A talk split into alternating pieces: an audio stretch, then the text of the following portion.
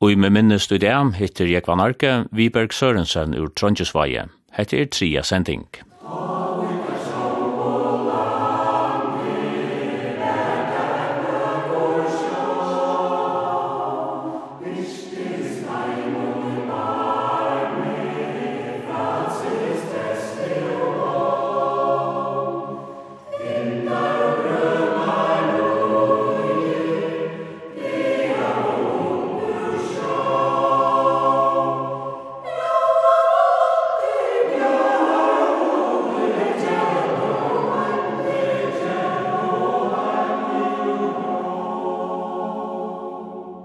Viberga Semmur, han held fram að sigla etter 1935.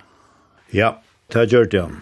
Og jeg kom ihåg som etter her, da jeg kipene kom i atter, undan Grønlandi og sånt, og han jo visste nega heima.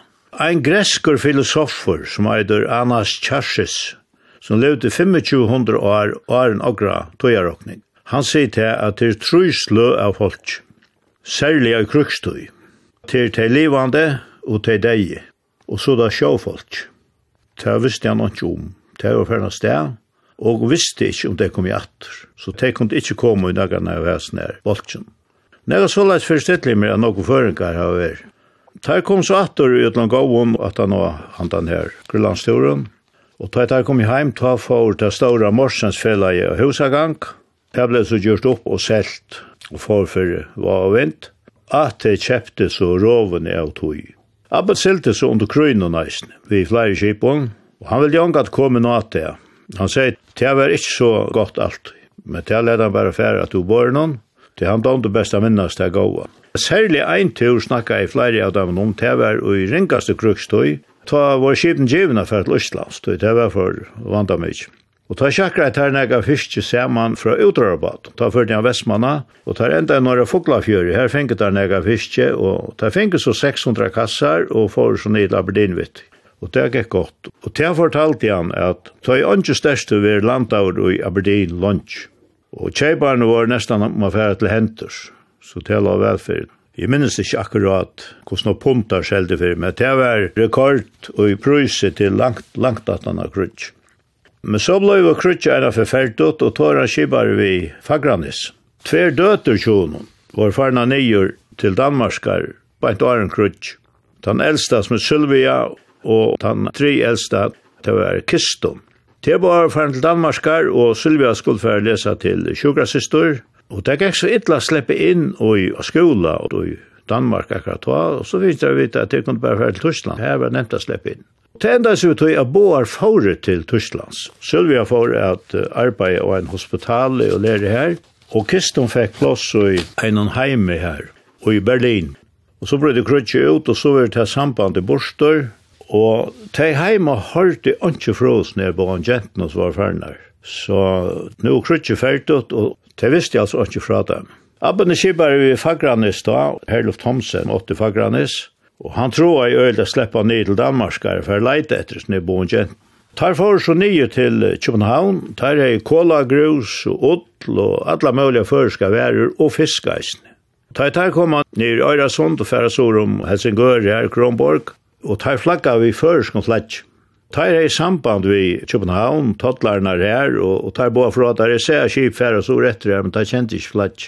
Da kom så inn i København, takk med tattlærene bor, og her er en tant som var hekste for tattlærene, het Sjank. Han kom som bor, og så sier han ved appen hva det var for flagg der hei. Ja, det er føreskip, han flagget føreskip og flagg. Det er jo ikke sett til flagg før. Nå, men tattlærene ville hava at flagg nye, tog at det her var ikke det det skulle være. Tar mette det, at skipet skulle flagga ved Dannebro. Og her ble råk om det her flagget, Det gamle ville ikke at flett skulle nye. Og det ble nok skrevet om etter her at han var atter. Jeg alt der stod i Berlingaren om etter kipet som var kommet. Men det stod det langa til at, at flett ble hangant. Men høves ørendene til Abban, så stod vi hånd nærmast, det var å få vite om at det kunne huksast at negar visste om hese folkene som var i Tyskland og Grønland og som var begynt å streima heimater. Det kom nok folk heimater ur Tyskland til Danmarskar. Syster hansara, Abban, som eisne var komin ur Vigabirke, hon var blind gift nere i København. Og hesa på gentnar til hei butja fastrunne Arne forrige sted. Og sjålan til Abban var så her, hon fortalte det som hon visst, hon er bare sagt henne, farvel til det forrige sted. Og han var så alla stedene her som hoksas kom til å spyrja om hessa her på gentnar, men det så ikke ut, det eneste han fikk vita til at han skulle ikke vanta for nok. Tøy, jeg var i Berlin under krøyne, og lykket til krøyne var ferdig, til jeg så han ikke ut. Ta lov några dagar här, omkring det är långt in där i Atla, så var han ikke att Han kom ikke malen og nær. Ta for seg sted og på Granes, så her kom folk vi som har vært innebrent under krøyne og i Danmark, ta ikke samband vær, og så tok det några vörre vi, og så får det vi i Fagranes. Jag hade varit tvär dagar at han har ta bankar på Atcha og ta koma til Boar i dyr. Hon sier så at då Jesus kom og teker her på abdegrever og han vil lige boja her. Og Kristus sier at han och att hon er omgang til gratis under krøynen. Det är øyla, öjliga, öjliga allvarligt och det är ut för öjliga nog. Ta första färgen gret, ta sett ju inte koffert av grata. Men det var så helt ut at a Kiber vei var kommit til i og til slopp så heim vi tog i Kiber. Så det enda er godt. Ter hei veri ta seinaste tøyina av russarne komi, boar inni av samme hospitali her, og ter var lykka til russarne komi. Og ter sei til at her var ikkje som mennesker, tog ta da fyrste stormtroppan som kom til Berlin. Ta var fotlur altså, av brennevågne og til mølen, oppfyr ikke meira som døyren som mennesker. Men det vil de annars ikke snakkas nok om at det er. Det kom anga til nega ordelig på sjøvi og tog sånt, at det var nega som var færre. Men der kom så heimator i utlån gåvån, og til å færre et rom. Og Abban han silte så vi Fagranes, og så i tjej og fjørte, ta fyrir han så kipar vi Merte, at det åtte Merte. Og ta for til Grønlands, ta i tore var omara fertig, bråta der krontasaksel, færre seg inn i tokus sakk. Så rådar vi båten han tog i her, men så var det hva det til gjerra. Abban helt at det var ikke problem, han er vært noe deisiklar, han er 20 år deisiklar, sikla heim. Men Jeg vet ikke hva hvis, men jeg halte bare at flere av de mannene som var vi abban, det var menn som våre år om år. Og flere av de mannene har vært vi hannet, han ringet tur. Så de har ikke vært særlig interesseret i affære sted. Vi mer til løyger togsak, vi sekt. Og det var jo som i årstøy som tar det våre kappan. Enda var han er at det ble så telegraferet i Midtlån, og tar i at det avgjøret er sendt av Vestmanna iver til Grønlands, og sleipa mer til heim. Og det gjør det der, og det gikk godt. Det kom vel fra at det kom hjem ut og gå.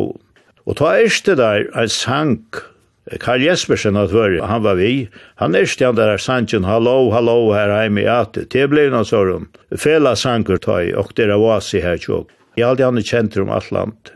Men der kom så hjem og ut og gå, og abon var vi i Imsk og Kipon, Onkran tog var han vi pappa, da han var kipar i Akranes Sætne, Og så røg han ut ur förekamne, Jens Christian og han, og også Jens Christian Kjaldavik. Ta råg vi i alle flere år sammen. Så var han vi i Faltsen omkran tur. Ta han ble gammal. Men han leist omgang tog ordentlig opp. Så han var alltid neka av sjån. Ta var jeferen til sjås, da sørst tøyina, og papen må være kjipar av godt mot det.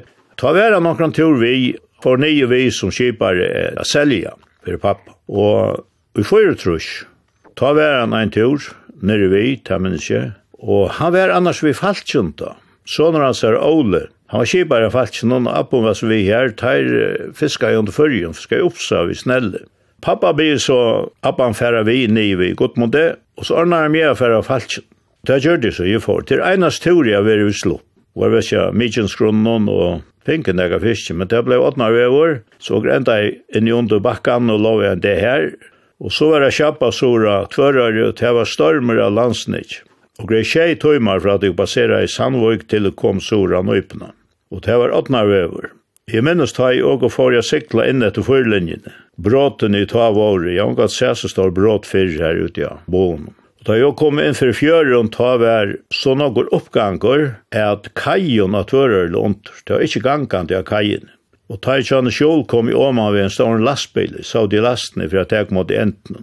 Jeg ångat jo oppleva teffer at det var sånn okkur oppganger her.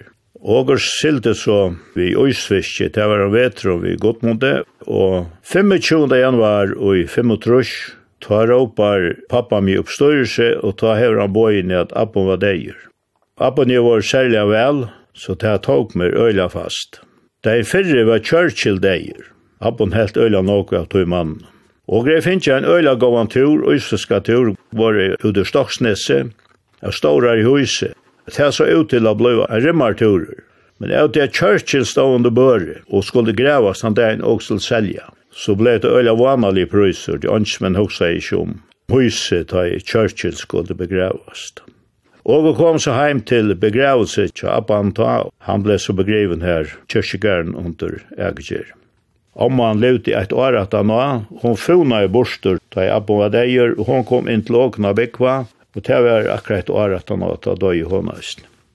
Og hette her er så veri jeg sinter om hessa slektene som kom ur Vigabirge, for at lykka som minnast at det var, kosta vegna i Kjat Heimon, og det som jeg minnast, jeg fikk bare om entan av tog. Og hva ble så vi hinnar etne kja mer ur dele? Det er Vigabirge, det er bosettest åttalig i fjøren og teir dele settest nyer helt der inne. Og til å passa hennes postmannen godt, tog at han var jærbrukar. Og han bosette seg så her inne, og han fikk vel å gjøre. Og her er eit som må grabba fyrir åtta flyttet, sånna for stora, og ta velte han alt undan. Tera velte fløte enn i det.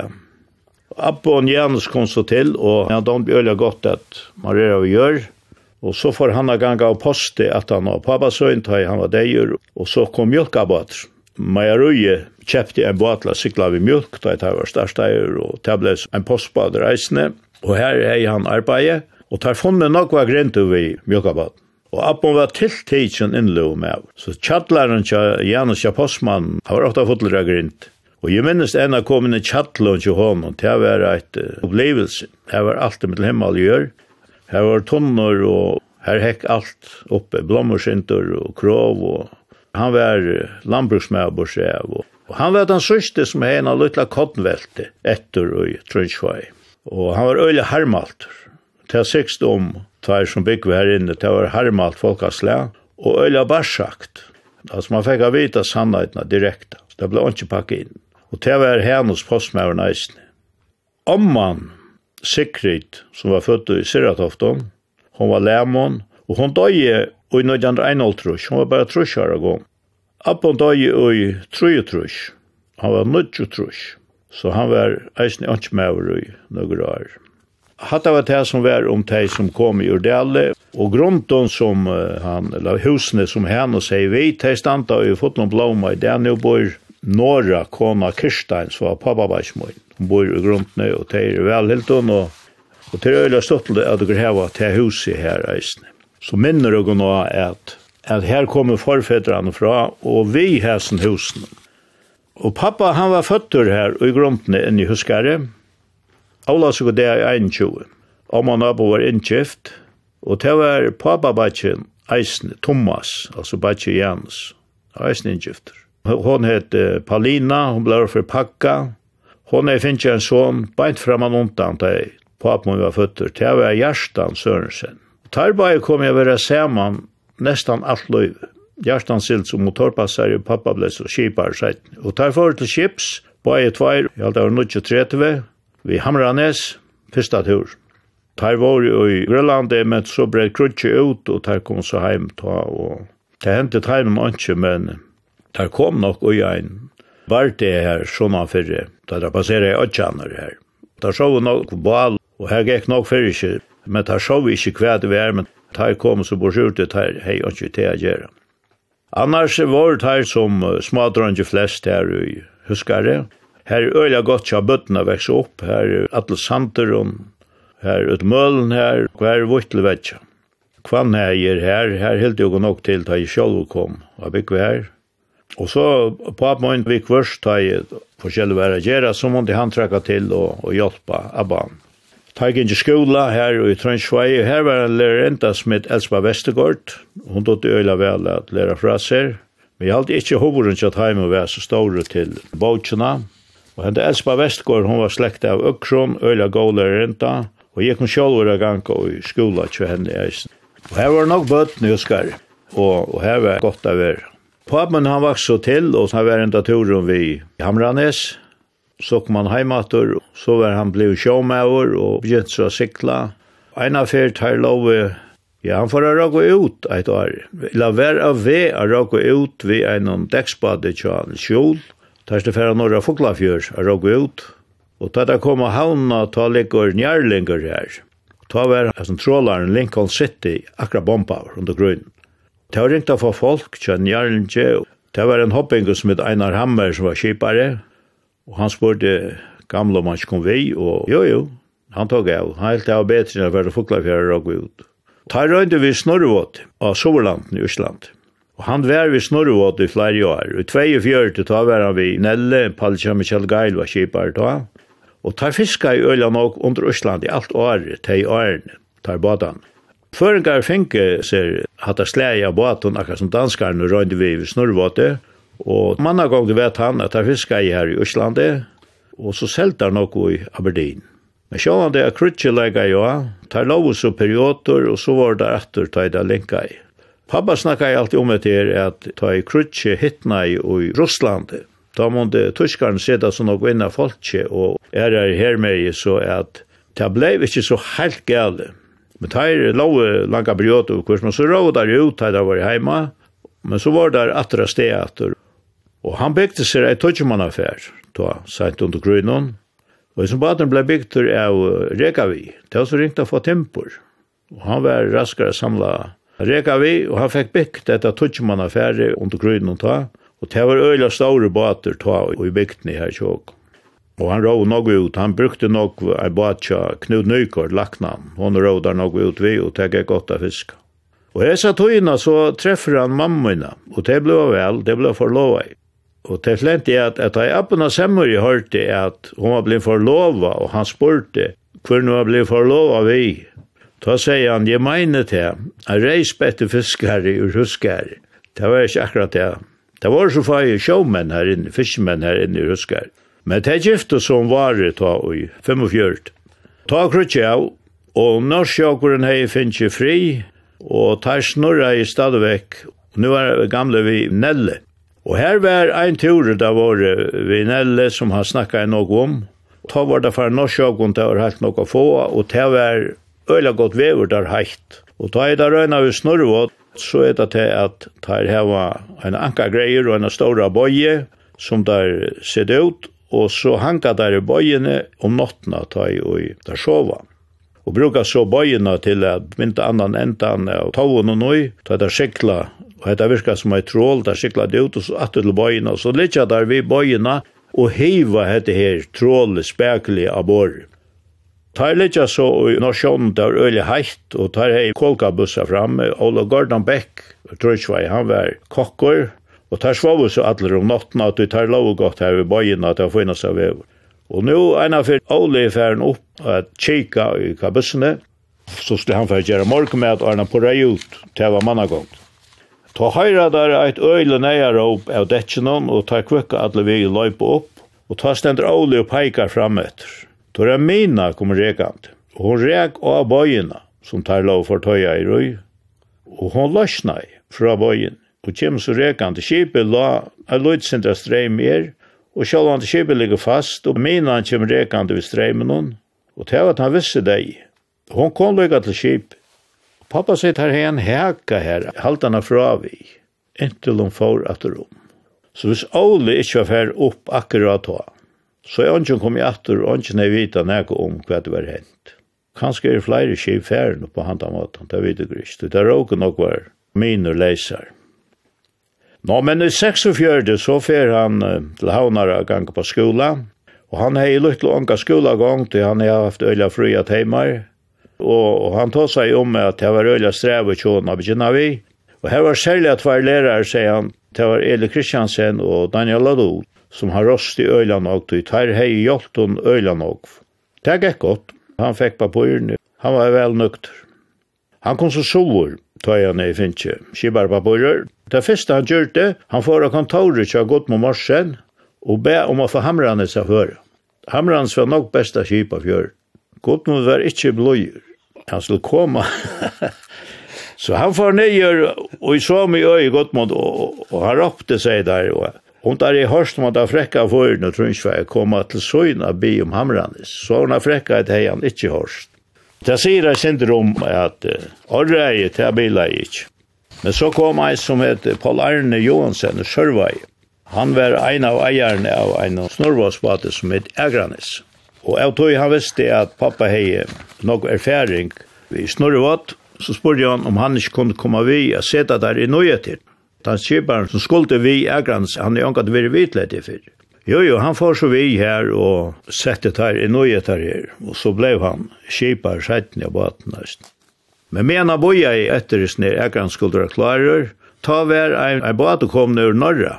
Han var kom her at var det var tvær normen som er i Osland, til a kusser den ein, det var flytter undan tuskarnan, og nu var krutje fært der kom i heimater, og det var det, det var ikke penkar, og det var øylig elendighet atla stev.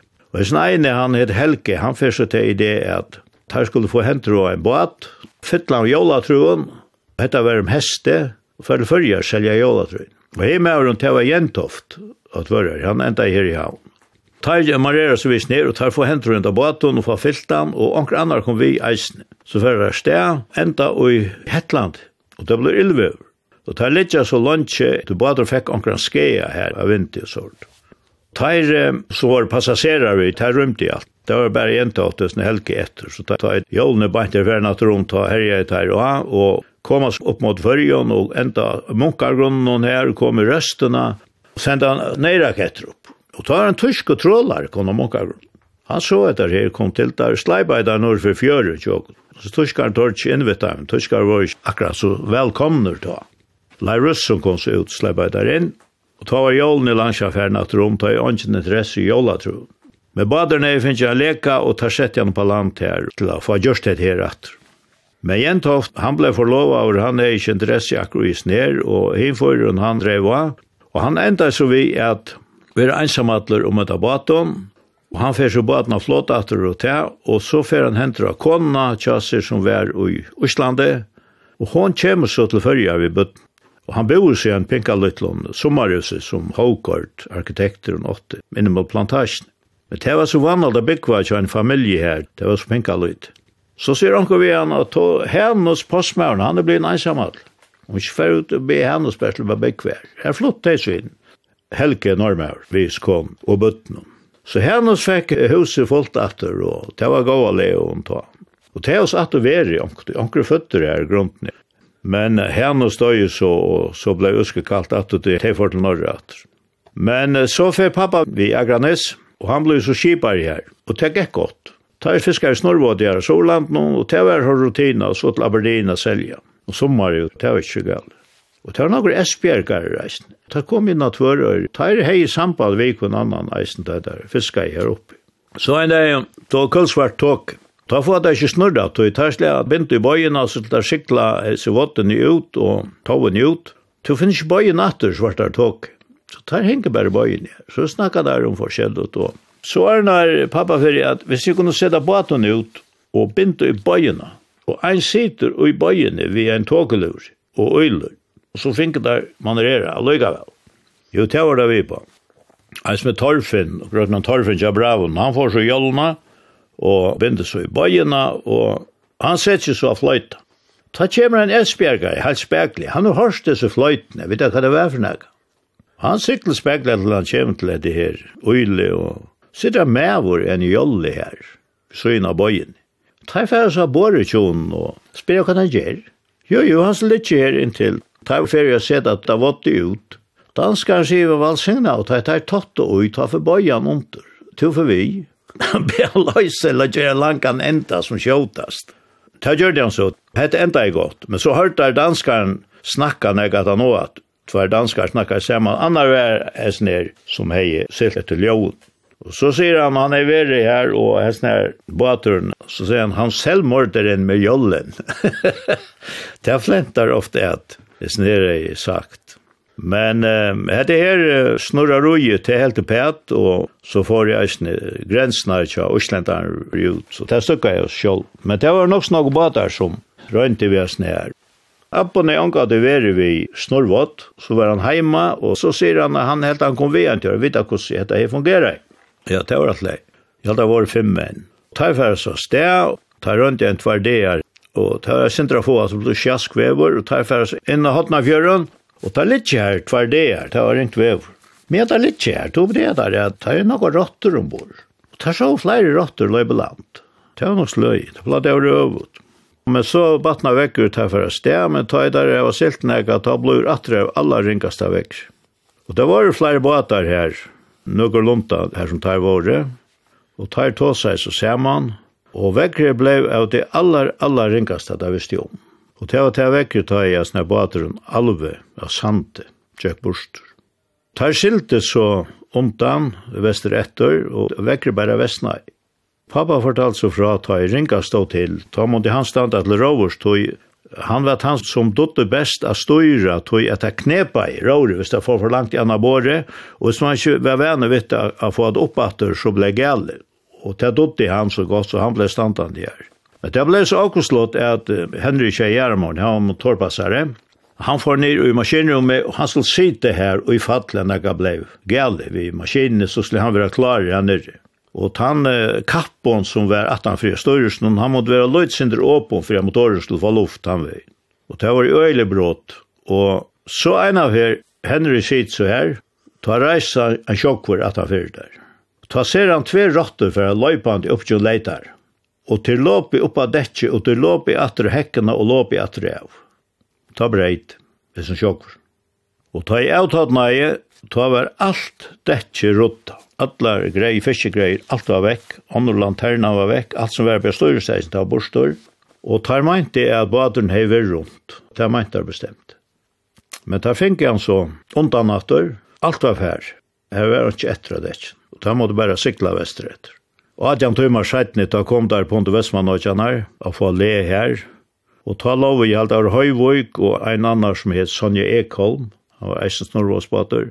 Teir hei veri samme vekkri og helte bare rundan og for så vestri her til der finner le her. Her var bare der så opp og finnes så kvilt her. Men da finnes ikke det samband at vi alvo. Og her var han kjagera tog alla greier alt var vekk. Så ta i vekkri enn av lenka så må da bare forsikla heimat. Og da sier jeg til at det som der er i Finche og er rundt der for inn og Hotnafjøren, det var pura enda vent. Så baderen hei nok veri ordentlig rundt, det var der samt rom. Men da snurvats fiskskaperen han minka så borstor, pappa begynte å bytje hus inn i Trønsvei. Og nå de det en trøst da flytte åker inn til Trønsvås av Bikvann. Ta var Torvald Ørabakka skipare Roland, og ta var vi løgn under førjon. Pappa fisse vi her som større med Men jeg halte jeg var bare en latt var turer, hva det vet. Jeg var så løyt, ta kjeipur, torvald, sjolv og skip. Jeg halte av norskjøttene. Og pappa var så som kjipar ved Roland. Og det var en øyla gåtøy, tog det gikk av almindelig vel. Da fiska jeg øysfisk om veteren, silt, og så tråla jeg der reisende, og i Øsland enn jeg tog. Og det gikk av almindelig vel. Men uh, det var et av sjåmarsjen, det ble flott ut, så det er trålingen under Øslandet, det er helt pænt. Så rykket jeg der om til Kalvavai ei sommer, og tar jeg i Ekkolod, og Ekkolod rykket jeg svidla. Det er nødt der heva, hvis jeg skulle kunne søtja hva døybjø og det være. Og det var konstant, der kom jeg ut, der begynte jeg seta, og så slukna jeg i Ekkolod. Og det var også gællu streimen nesten. Gråd Larsen var begynt som radioreparatør og tvørere. Han var pura feskur da. Pappa be han komme vi, og vita hva det gale var. Ja, ja, gråt for seg vidt, ta for seg ut, det er alt finnes størt altså. Gråt fikk fiksa det som var gale, og så innatt, en tvefer. Så nu elskast det, det kom innatt. Færre sted, og tog i gråt ned, man kjer om noen til det kom av vestron bakka, nøybakkan der, så røyt. Det var som det alltid sjån og ta ferroland et hiv, og ta ser han at det var en sånn regulator og en som skulle regulere streimon. Han gløy nir ut da det var rådla. Så var problemet løs, så snabbt bare skruva han fasta, så var det lei. Så kommer han opp at det råd og sier hva så var jeg her alt for en sørta nu. Ja, det er hårdt fyrir, sier det. Gamle sier også for et løslands. Gråd protesterer, nei, han kom ikke vi. Ja, det er med han, tar seg til løslands. Det er først løslands på Norrland der, her var Anjan Kalve, var få her som tar vår. Det er enda så i Øst og Grønland. Det er finket så nega av Kalve her. Men gråd var en bor at la tøyen. han, han slapp angan vi. Appon var vi i tanturen nesten. Og ur Østergrønlandet tar for deg direkte ned til Grimsby, jeg selger eisen. Så jeg minns ikke at hvordan noe det er gråthever i men det heter flente der ofte at med gråt var enig rom, det var beste tur han har haft i løyven, det han har haft det så lott. Men han var så vi Roland ta og ta finke nok, noe silt og korta søgnon. Så jeg halte jeg var i 8,5 trus, ta for hans som kipar vi Hamranes. Det var godt mot deg. Og så fer han til Grønlands i Hamranes, Og til vi at det tradisjonelle så er det silt om heste, og tar vi ut eisne vi hamrans om vetr. Og til jeg forstand ikke hvordan det er klart til at du hon venter så utrolig etla. Bare for hamrans ut ur kajen i her tjåkon, til jeg var i seg selv om et man rer. Men henta tøyen her i halvtrusjonen, til jeg var en øyle vanlig tøy ta, særlig fyrst i halvtrusjonen. En rikve av folk for til Østlands, og her begynte menn at tjena vel av penkom, Men heima av skipene var vann og jeg var øyelig løyte jeg for vinna. Det var så gamle dankene som var, og kålatrolleren tar for i husagang. Men så begynner jeg glatt jeg koma ta i den første løgnebadren kommer. Det var Vestra av Bløyas og toften. Så blev trutjer trollare kontrakta nere i Portugal. Ein av dem var Leif Russesson, han var den første, han kom og tvørere. Det var første skip som var byggt til tvørere, jeg vet ikke hvordan det går, men det var i Øyland går. Og det var veldig spennende når store, flotte trålere kom, og det var et ordelig pluss i bygden i sjåken her, og det var en fjørde mannsvi. Tarfisk, altså saltfisk, da var det eisne uisfisk øysfisk vi tog kjipt. Men så begynte menn også om å få nytt kjip til løgnebadar og til snelle eisne, Og i ein og trus, ta kom ta neste at hører til å være godt montetan. Det var en serie av baten, ja, det var tjei, som ble bygd nere i Frankarike. Her skulle Jesu sleppa vi, men det gikk øyla strilte, tog jeg inn skola og jeg tømte av almindelig etla, og han vil slå ham vi, tog jeg skulle være hjemme og gjøre skolan ferdig. Tog en gonger, og gamle var ferdig nir etter som kjipen hon, og tar kom hans attor, og jeg la om alle jeg skal vi, og enda var han jeg for ur skolan hon, og for vi godt mot. Det var 26 kodger ombord.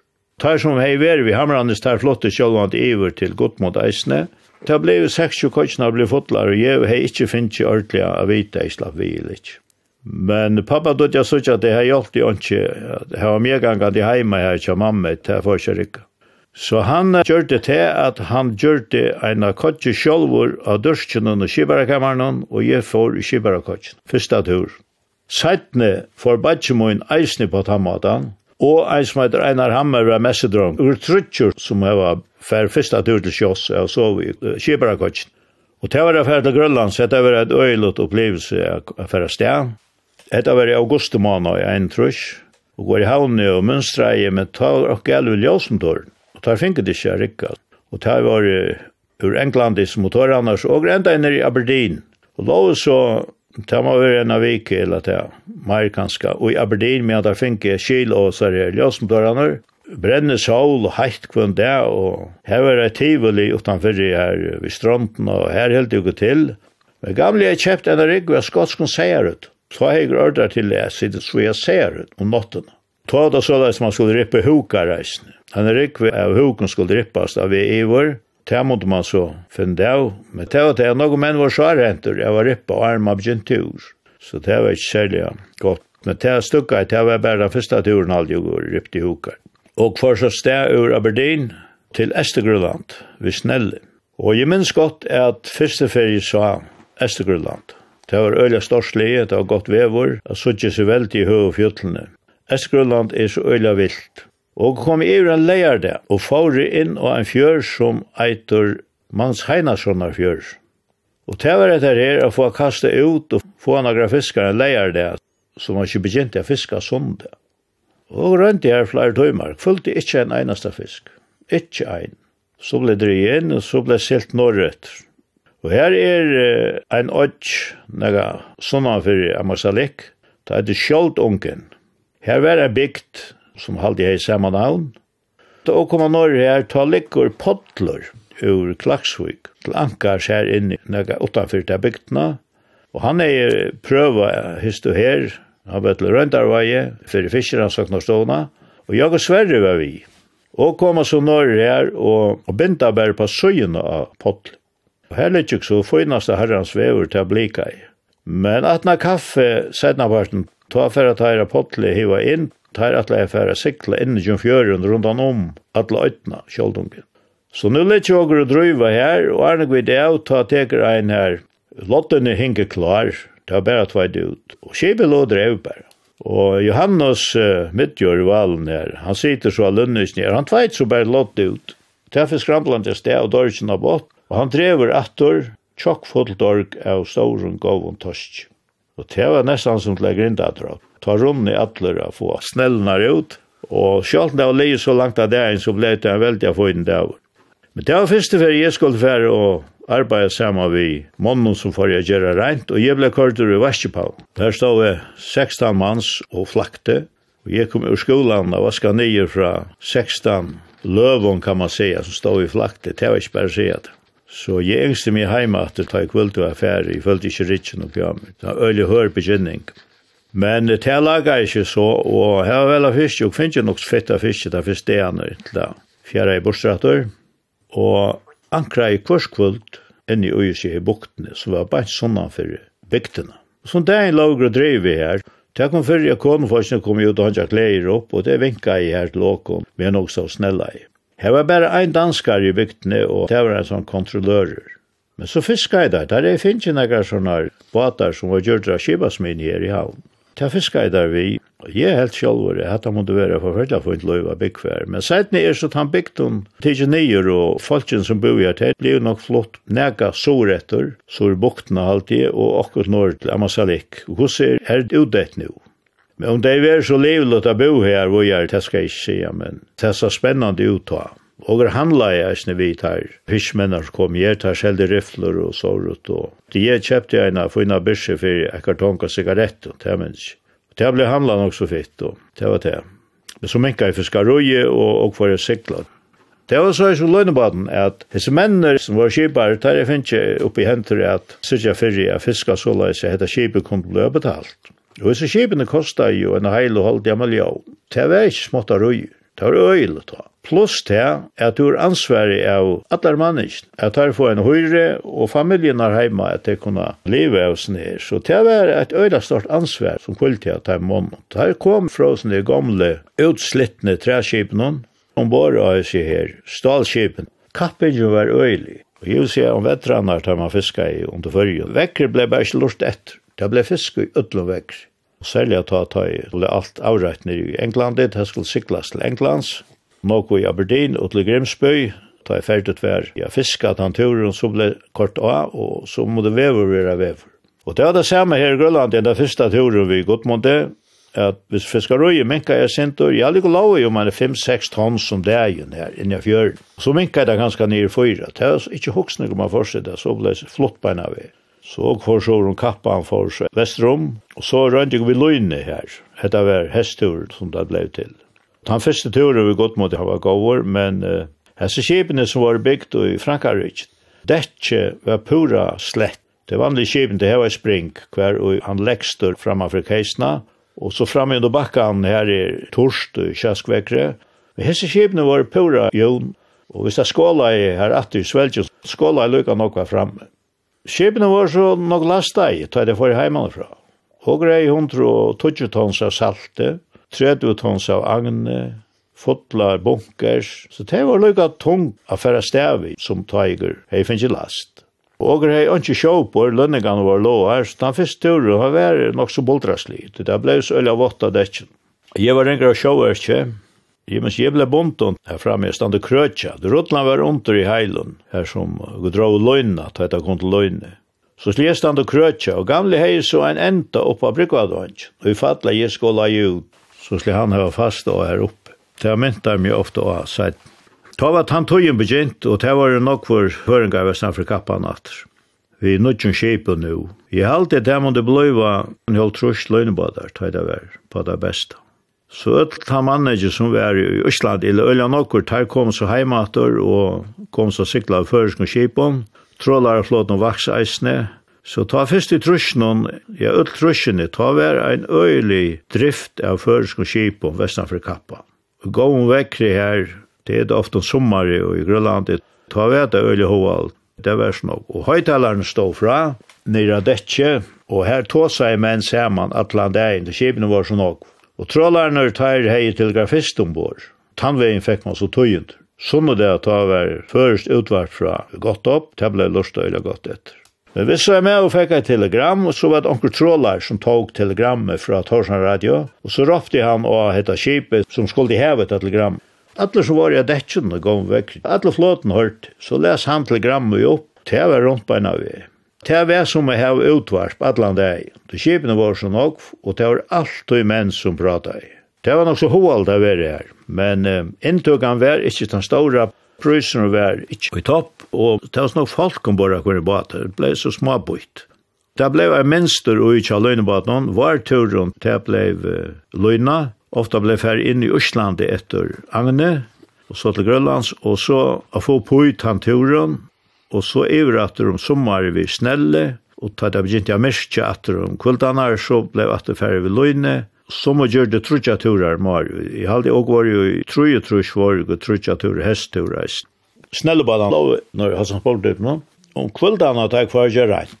Og det var akkurat som jeg bøyer, altså ikke.